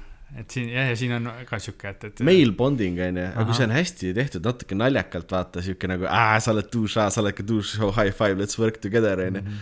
te, tekib see vaikselt see res, respekt omavahel, hakatakse mõistma, et, on et see nagu kokkukasvamine, see on no, male bonding on ju, et see Jah, on tegelikult see mulle see hästi meeldib, see sihuke sisu. Ja mi- mina olin nagu terve film veendunud, et Ryan Reynolds on nii šarmikas, et ta konkreetselt võlus Rocki, kes on FBI agent, sellele kunstivaraste poolele põhimõtteliselt. Rock nagu teeb mingeid hullusi, et nüpeldab seal äh, politseinikke ja, ja tulistab tu, nende suunas. tulistab Interpoli pihta, no ütleme Jah. nii, et tulistab nende jalge, jalge ette ja peade kohale selles mõttes, aga still nagu mida sa teed, onju ja mõtlesin, et nojah, et see nüüd on suht sitt writing, onju, aga mis sa teed, vaata, Ryan Reynolds on nii charming tüüp lihtsalt, mina ei suudaks see, Ryan Reynolds oleks Märten tulista Interpoli ja ma oleks nagu pratatat buum, onju. jah, ja lõppkokkuvõttes sa mõtledki sellest filmist kui mingist äh, suvalisest action seiklusest, et see on, see on lihtsalt, nad mõtlesid selle põhjuse välja, et, et need kaks tüüpi saaks koos seigelda ja teha äh, wacky trikke ja sellest piisab, onju. jah, täpselt nii. aga siis tuleb välja, et filmis on twist. filmis on twist ja tuleb välja, et Rocki pea on hoopis see neljas kadunud muna, see šokolaadimuna ja film lõpeb väga vägivaldselt, kus Ryan Reynoldsi tegelane lihtsalt Bishopi ehk Gal Gadoti abiga lööb Rockil pea maha ja siis tõstab selle võidukalt üles ja joob sellest verd. Siis ma muidugi ärkasin üles, sain aru, et see on mingi palaviku uni, mis mul just oli ja tegelikult äh, on filmis twist küll, aga see on midagi hoopis teistsugust. mina olin praegu nii šokeeritud, sest mina tõlgendasin seda lõppu hoopis teistmoodi kui sina. kurat, äkki mul oli mingi director's cut või midagi või, mingisugune vaata see originaal endinguga. ma ei tea, kuidas sa said samal ajal Director's Cut'i vaadata, kui me seda koos kinos vaatasime, aga no võis juhtuda. jällegi palavikuni, mis teha. aga tegelikult jah, oli filmis twist lõpus, mis noh, nagu ennist öeldud, ei mina ega Märten tegelikult ei näinud seda läbi, mis on filmis, mis muidu on üsna nagu sihuke ettearvatav, eks, et tuleb välja, et Dwayne The Rock Johnson ja Gal Gadot on tegelikult äh, nii era, eraelulised kui professionaalsed partnerid, ehk siis noh, nad on paar ja nemad, nemad koos on tegelikult koodnime all Bishop, siis äh, tegelikult kunstivargad mm.. ja miks nad siis hakkasid Ryan Reynoldsi tegelast seal äh, üle mängima ja temaga tegema igast pättust, on see, et Ryan Reynolds oli see isik, kes teadis, kus see kolmes muna, kolmas muna oli ja neil oli vaja seda teada, et see kollektsioon kokku saada ja maha müüa. Sest huvitav oli vaadata, kuidas Gal Gadot ja Dwayne The Rock Johnson äh, musustavad filmis. see, see oli minu jaoks See- see, nagu nii kuidagi võõras see, või see oli nii imelik. võõras, sest Rocki, Rocki pea on nagu sama suur kui Gal Gadot ülakeha umbes. ei, põhimõtteliselt Rocki pea ja Gal Gadot puusad on sama ümbermõõduga. suhtes ongi nagu, nagu planeet Maa ja Kuu hakkavad nagu põrkuma, just lähenevad üksteisele, lihtsalt vaatasin ka, mõtlesin, et kas see juhtub, ja, ja juhtuski. see oli, see oli, see oli ülimalt veider minu arust ka jah. midagi oli imelikku jah, selles et mõttes. äh, aga ma ütlekski, et äh, osast, miks see nii ootamatu oli see, et Rock mängib nii hästi seda tegelast, seda, seda sihukest heatahtlikku äh, moraalse kompassiga äh, siis äh, seaduse, seadusekuulekat isikut, kes ise siis seaduse järgimist tagab, et täidab ja nii edasi, et sa, ei oota talt üldse seda. ei oota jaa, see oli na- nagu, nagu wrestlingus öeldakse selle kohta heel turn oli see, jah kus äki, äkiline pahalane out of nowhere. ja aga, aga, aga miks mulle tegelikult see twist üldse ei meeldinud ja miks see oli nagu tegelikult tehtud äh, minu arust hästi halvasti, oli, et noh, tegelikult see film valetas meile kui vaatajatele mm.. et noh, tihtipeale kasutatakse mitte ainult filmides üldse, igal pool raamatutes, kus iganes, igal pool, kus sa mingit lugu jutustad, kasutatakse sellist võtet nagu unreliable narrator mm. -hmm. ehk siis äh, see, kes seda filmi edasi jutustab või mis iganes lugu edasi jutustab, noh näiteks mingi memuaarina või ta jutustab ümber või mis iganes, see, kelle vaatevinklis see lugu on mm. -hmm.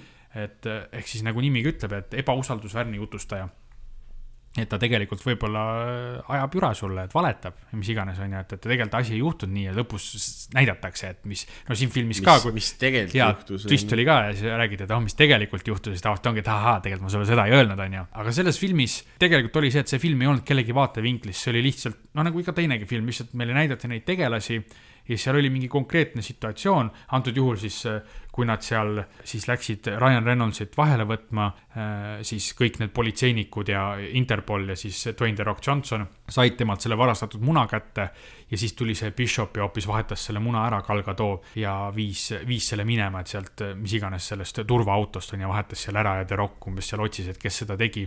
ja siis hiljem näidati meile et mis päriselt juhtus, oli see, et nad hoopis andsid üksteisele üle selle ja mis iganes. aga noh, sa ei saa seda niimoodi teha nad, nad tegid seda unreliable narrator kohta, aga neil see narrator pool oli puudu jäänud, sest meile ei esitatud seda ju kordagi, kui et keegi jutustab meile, et näe, vot see juhtus, on ju, ja siis pärast tuleb välja, et aa, tegelikult ei juhtunud nii, vaid et mm. meile konkreetselt näidati, et nii juhtus yeah.. et, et siis noh, selle alusel võib öelda, et kogu ülejäänud film on mingisugune umbluu või mulle kuidagi üldse ei meeldinud see, et nad olid seda võtet kasutanud, aga nagu täiesti valesti. Ja, ja see nagu, kas sa saad seda twistiks nimetada, kui meid lihtsalt nii-öelda peteti või, et, et see jäi äh, natuke kehva writing'u taha, sest kõik muud asjad äh,, mis nii-öelda nad seletasid, et aa, no tegelikult juhtus nii, oli lihtsalt asjad, mida nagu no,, kohad, mida näidatud. meile ei näidatud, et siis sai nagu hästi pannud, aa, tegelikult nad siin kohas vist rääkisid omavahel. ja see kõik on okei okay,. see on okei okay., aga, aga just see koht autosse muna üleandmine, alguses film näitabki, et Rock paneb muna autosse, läheb minema ja siis käega tood, paneb pihta selle. ja filmi lõpus näitavad, ei, tegelikult ta nagu andis selle üle, et noh, et seda noh, just see oli täpselt see koht, kus nad jah, konkreetselt valetasid. valetasid ja siis näitasid, tegelikult juhtus asi teistmoodi ja noh, noh niimoodi ei saa päris teha, et, et see, selles mõttes see oli see oli jah, halb writing ja ma ei tea, võib-olla laiskus või mis iganes, nad ei leidnud paremat viisi, kuidas seda teha, aga see, nad, see nagu tegi selle asja natuke hapuks minu jaoks. ja sealjuures muus osas oli tegelikult tore ja lõbus ja hea, onju. jaa, mulle see viimased kümme-viisteist minutit tegi üldse asja pisut hapuks, sest et mulle väga meeldib see eelpool räägitud see buddy cop asi, kus nagu noh, alg-, algsed vaenlased saavad tegelikult sõpradeks ja peavad koos tegutsema ja siis saavad aru, et oo oh,, et neil on nagu palju ühist ja see on nagu kuidagi nagu fun, sihuke male bonding asi. ja kõik, lõpp nullib ära selle kõik nagu konkreetselt, ei, Rockil olid tegelikult oma mingid huvid, nad jätavad vaese Ryan Reynoldsi üldse kuskile võssa käeraudadega, lõpus lähevad minema. džunglisse jätsid džunglisse põhimõtteliselt surema, Interpol leiab ta sealt, pärast tuleb üles, tuleb välja, et Interpol leiab ta sealt ülesse ja siis ta oh,, siis see nagu see päris, päris lõpp, kus siis Ryan Reynolds äh, nii-öelda noh, ta ei kavalda neid üle, ta lihtsalt on, jõu, Interpol freeze'is teie pangaarved, et äh, mul, mul on nüüd uus, uus idee, mida varastada. Ja siis nad peavad koos tegema asju, sest et sest et reasons. sellepärast et järg tuleb, järg tehakse ka sellele ja nad pidid ju mingi sequel setup'i tegema. ja ta ongi nagu mingi sarja esimene osa, natuke sihuke tunne väga lõpp oli, et noh, lõpp mulle üldse ei maitse, viimased mingi viisteist minutit on oh.. no kui ma olen siin juba eh, ikka käesoleva osa Äh, jooksul olen üsna palju ka kurtnud ikka, et tänapäeval on see halb ja teine on halb mm -hmm. ja mhm.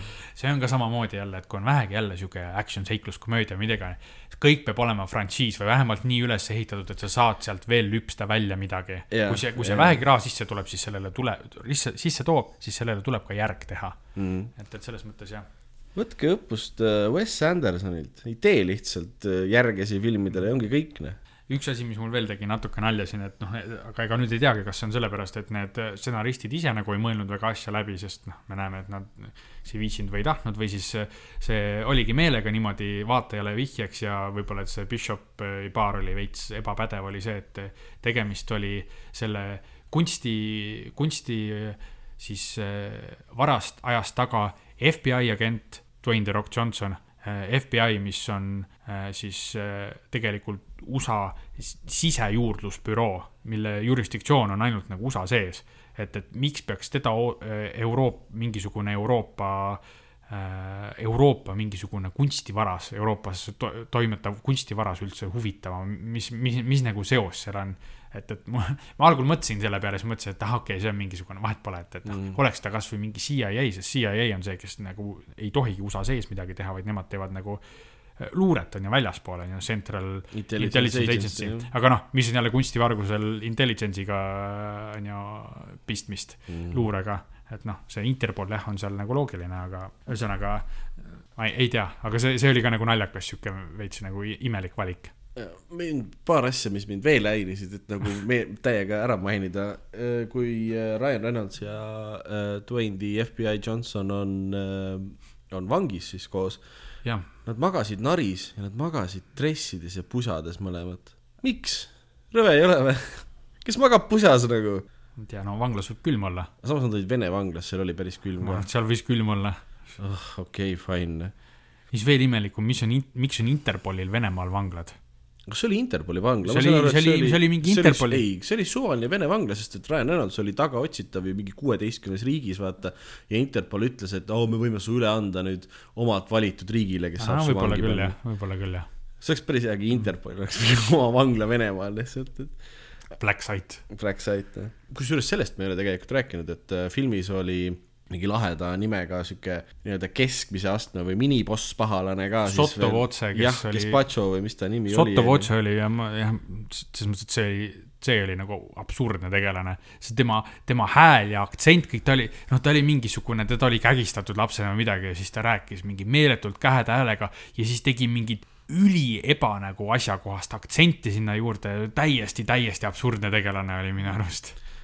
No tema oli ikka karikatuur. oli küll, tema on see mees, kelle käes siis Cleopatra teine muna on. jah, tema Ja. oli see era, erakogu omanik siis, kellelt nad pidid varastama, mingisugune relvadiiler. noh, jälle see oli ka selle, sellepärast seal, et nad saaksid veidikene teha seda pasumbeldamist, et, et oo, noh, kes kelle pool on, eks ju, ja nad kolmekesi on mingisuguse selle era, erakollektsiooni siis peol ja noh, mängivad üksteist üle ja nagu ikka, onju. nagu see ei olnud nagu hullult kehvasti tehtud, see läbiv joon filmis, et nad nagu tegelikult ei usalda üksteist ja noh, pidevalt mängivad üksteist üle, aga see ei olnud nii fun, kui ta oleks võinud olla siis, kui see oleks nagu hästi läbimõeldud, nagu näiteks äh, Oceansi filmides. just Oceansi filmid on minu arust noh, selle üks nagu tippe. jaa, sihuke hea heist-film, kus äh, publik äh, kõike ei tea ja lõpus saab teada, mis nagu võib-olla päriselt siis toimus ja. et ta ongi nagu, ta on, ta on nagu Oceansi film segatud Nicolas Cage'i National Treasure'iga näiteks. on see jah, midagi sihukest mi- midagi sellist, siis ta läheb nagu, noh, Oceans ei olnud seikluskomöödia, et kui sa teed sellest seikluskomöödia, siis midagi sellist sa tõenäoliselt saad. Rock ja Ryan Reynolds, tegelikult võiks neil korra ka eh, Peatuda. peatuda pulli pärast jah, sest noh, nägusad mehed, hea parkida onju.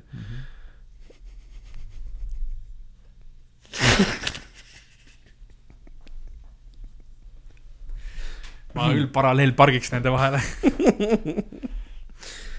Jah, tegemist on meestega, kes, kuigi me ütlesime, et nad nüüd on nagu typecast itud, siis tegelikult nende taust on väga teine kui noh, ühe taust on väga teine kui filmi näitlemine ja siis The Rocki puhul.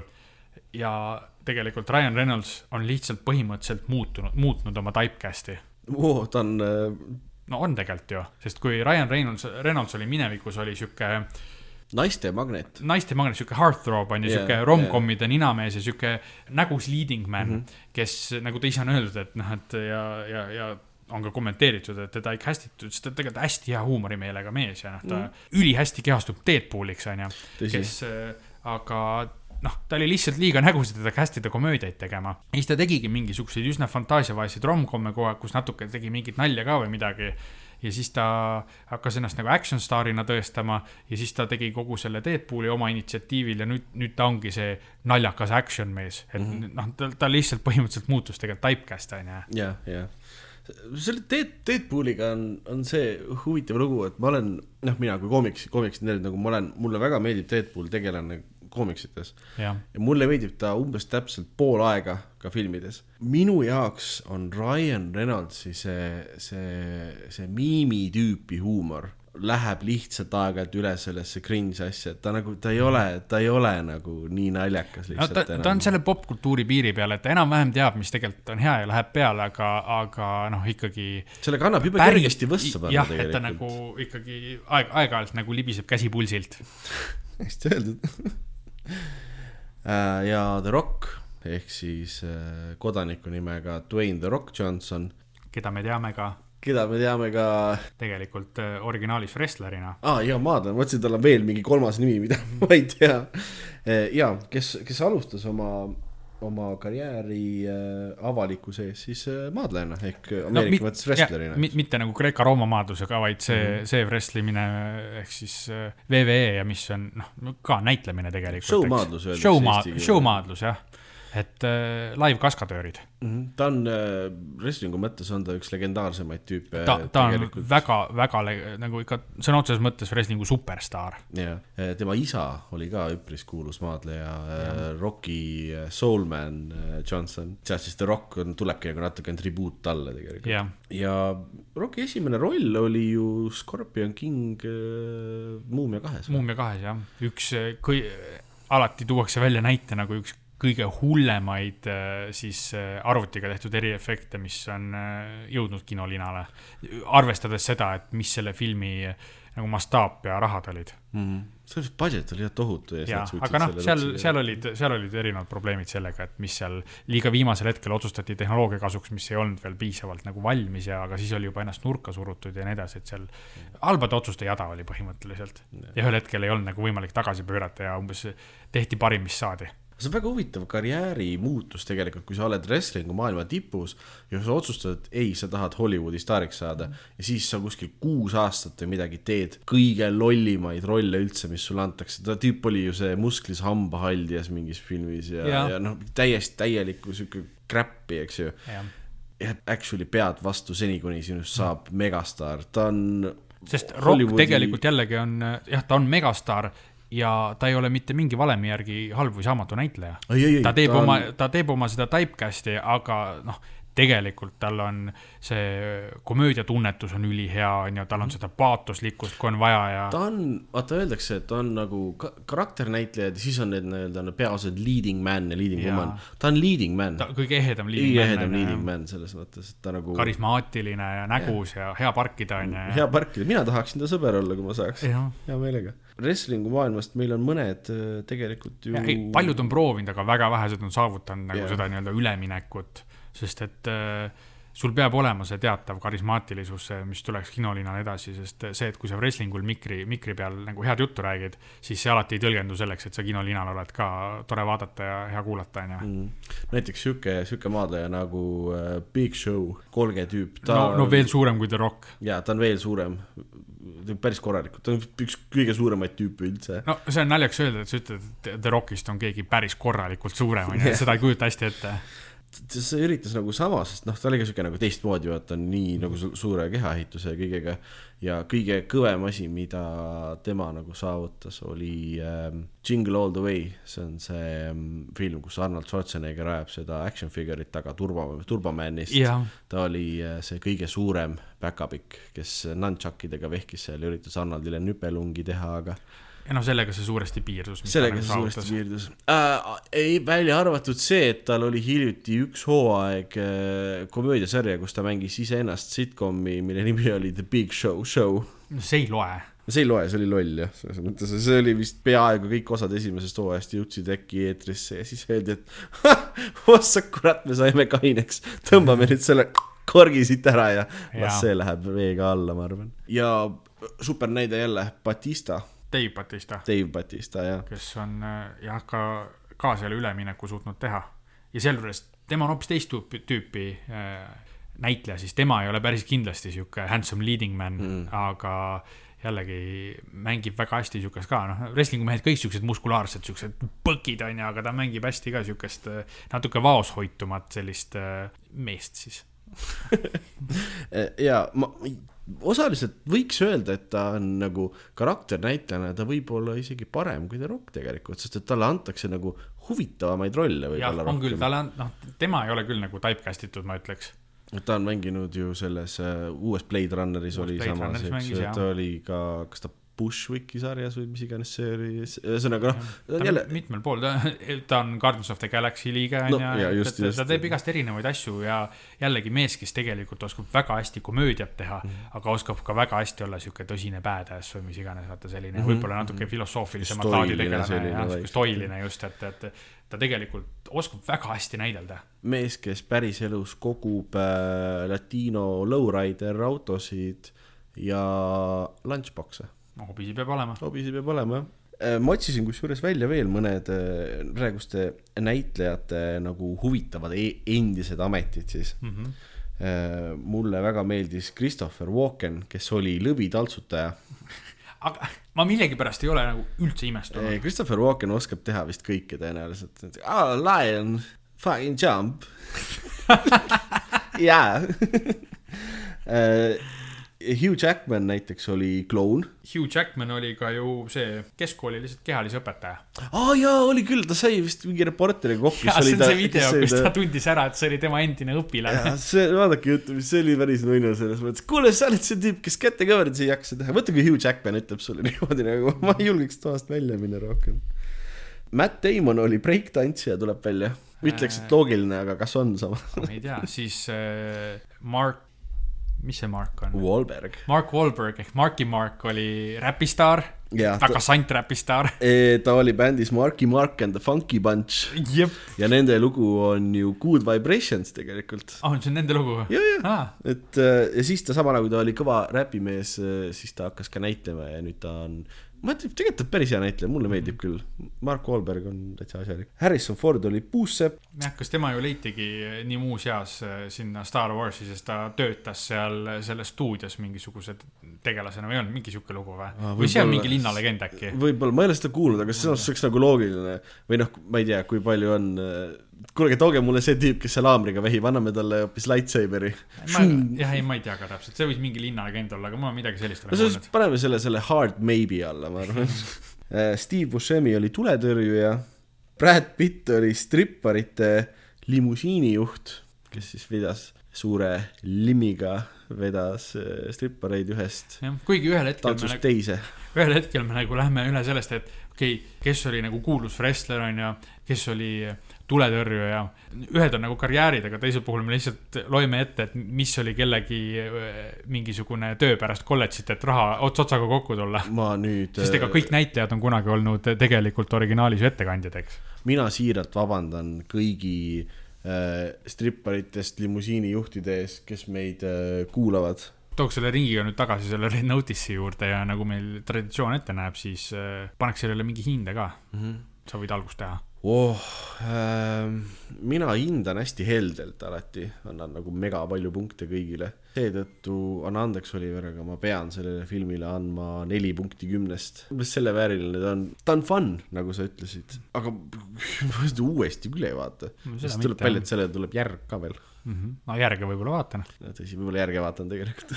sest tegelikult tegelased olid lahedad ja, näitlejad mulle ka jaa meeldivad., ahah, et noh, mine siis tea ega, mis see on see sins of the father on ju, et äh, poeg ei tohi selle järgi ju, selle järgi hinnata, mis need isad on teinud ja mis see järg muud on filmile kui filmi pojake väike. ma selline, selle filosoofilise momendi eest annaksin kohe lisapunkti, viis punkti kümnest ikkagi. Oliver muutis mu meelt.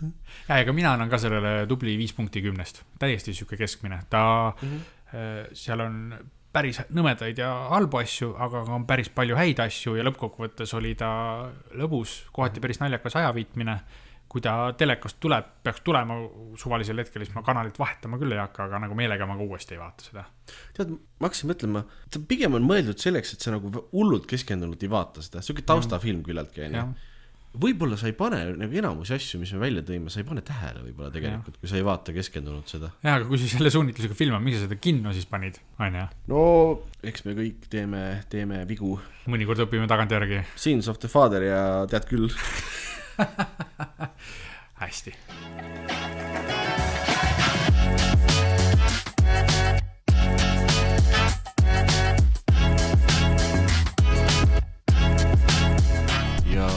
Selline ta siis oli, järjekordne maailma lõpu kino on, oli nüüd teie kõrvades. poetame mõne sõnaga ka lähituleviku plaanidest või? et eh, esiteks mõtlesime, et noh, võib-olla tähelepanelikum kuulaja on märganud, et tegelikult vahepeal tuli üks eh, uus Marveli film välja, Eternals, et mm. -hmm. aga me otsustasime, et me selle kohta osa ei tee, et meil päris iga teine osa ei oleks Marveli filmi osa, sest et ega noh, kõik kuulajad meil ei ole nii suured fännid kui meie ise. jaa. ja siis me mõtlesime, et me hoopis jõulude paiku teeme eraldi eh, Marveli osa, kui MCU osa, kus me räägime Eternalsist, räägime selleks ajaks välja tulnud uuest Spider-man'i filmist mm, -hmm. No Way Home, räägime, teeme väikse kokkuvõtte sellest What If seeriast ja võib-olla ka Hawkeye seeriast ja mm -hmm. räägime võib-olla mingit teist kõrvalist MCU teemat siin mul on võib-olla paar täitsa head ideed, mis Marvelite asjadest et, rääkida et. eh, teeme üldse eraldi MCU osa, mis on äh, siis äh, suurtematele fännidele väga huvitav kuulata ja vähematele fännidele ka kindlasti huvitav kuulata. Lihtsalt äh, siis saavad ette valmistuda ja lisaks sellele mõtlesime, et oleks ka tegelikult huvitav teha kas meie endi jaoks üksteiselt midagi uut kuulda, on need aasta kokkuvõte. võtta see möödunud aasta kokku ja rääkida oma lemmikutest siis meedia vallas, noh. filmid, telesarjad, võib-olla mõni raamat või muusika, seda, sedalaadi asjad, et, et teeme meie, väikse... meie kõige-kõige lemmikumad asjad, mis meil võib-olla ei ole siin väga palju läbi käinud. jah, mis on sellest aastast ja noh, selles mõttes, et siin me väga palju raamatutest või muusikast ei räägi, aga lihtsalt oleks huvitav äh, jagada, et mis, mis sellest aastast nagu on eriti hinge läinud mm. -hmm. lubame endale natuke seda, nendest ja. asjadest ka pasundamist. et, et aeg-ajalt me mõtleme ikkagi teha siukseid nii-öelda eriformaadis eriseansse ka mm. -hmm nii et äh, kuulajatel siis on, äh, on mida oodata, nad saavad veeta meiega Marveli jõulud ja ka aastavahetuse maailma lõpu kinos. jah, ja nagu ikka, võtke meiega ühendust at äh, maailmalõpu kino podcast Instagramis, kirjutage meile maailmalõpukino at gmail.com, leiate meid ka selle nime alt Twitterist, kui keegi seda platvormi eelistab. mul on tegelikult plaan natuke Twitteris panna asju, mis meie podcast'ist läbi käivad, et noh, kui mhm. kedagi huvitab meie refereeritud mingisugused obskuursemad veidrused, siis mm -hmm. võite tšekkida Twitteris. Äh, tasub follow panna, jah? tasub täitsa follow panna. Twitter on täitsa tore platvorm, kus sa seal tegelikult leiad neid õigeid asju, mida follow ida, et ma kasutan, aga noh, ma jälgin seal ainult mingeid väga spetsiifilisi asju, sest ta on infovoog nagu iga teinegi. jah, mulle noh. meeldivad Twitteris need, et ähm, kui noh ütleme Instagramis või, või ma ei tea, internetis muidu on siuksed suht siuksed tavalised miimid ja asjad levivad, siuksed natuke ära leedatud.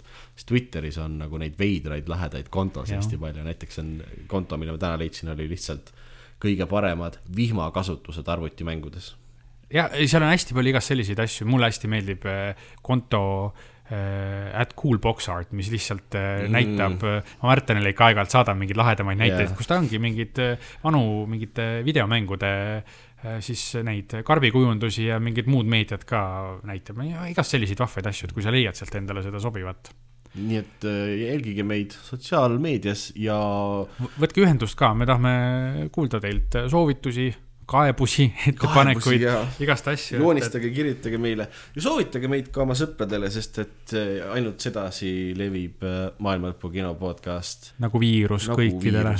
nagu Resident Evil'i lauluviirus ja meie olemegi Eesti, Eesti kino podcast'i progenitorviirus ja sest äh, kuidas muidu me jõuame järgmisele Eesti Laulule, kes teab? mina ei taha sinna minna aga aitäh, et meiega aega veetsite ja kohtume õige pea. nägemiseni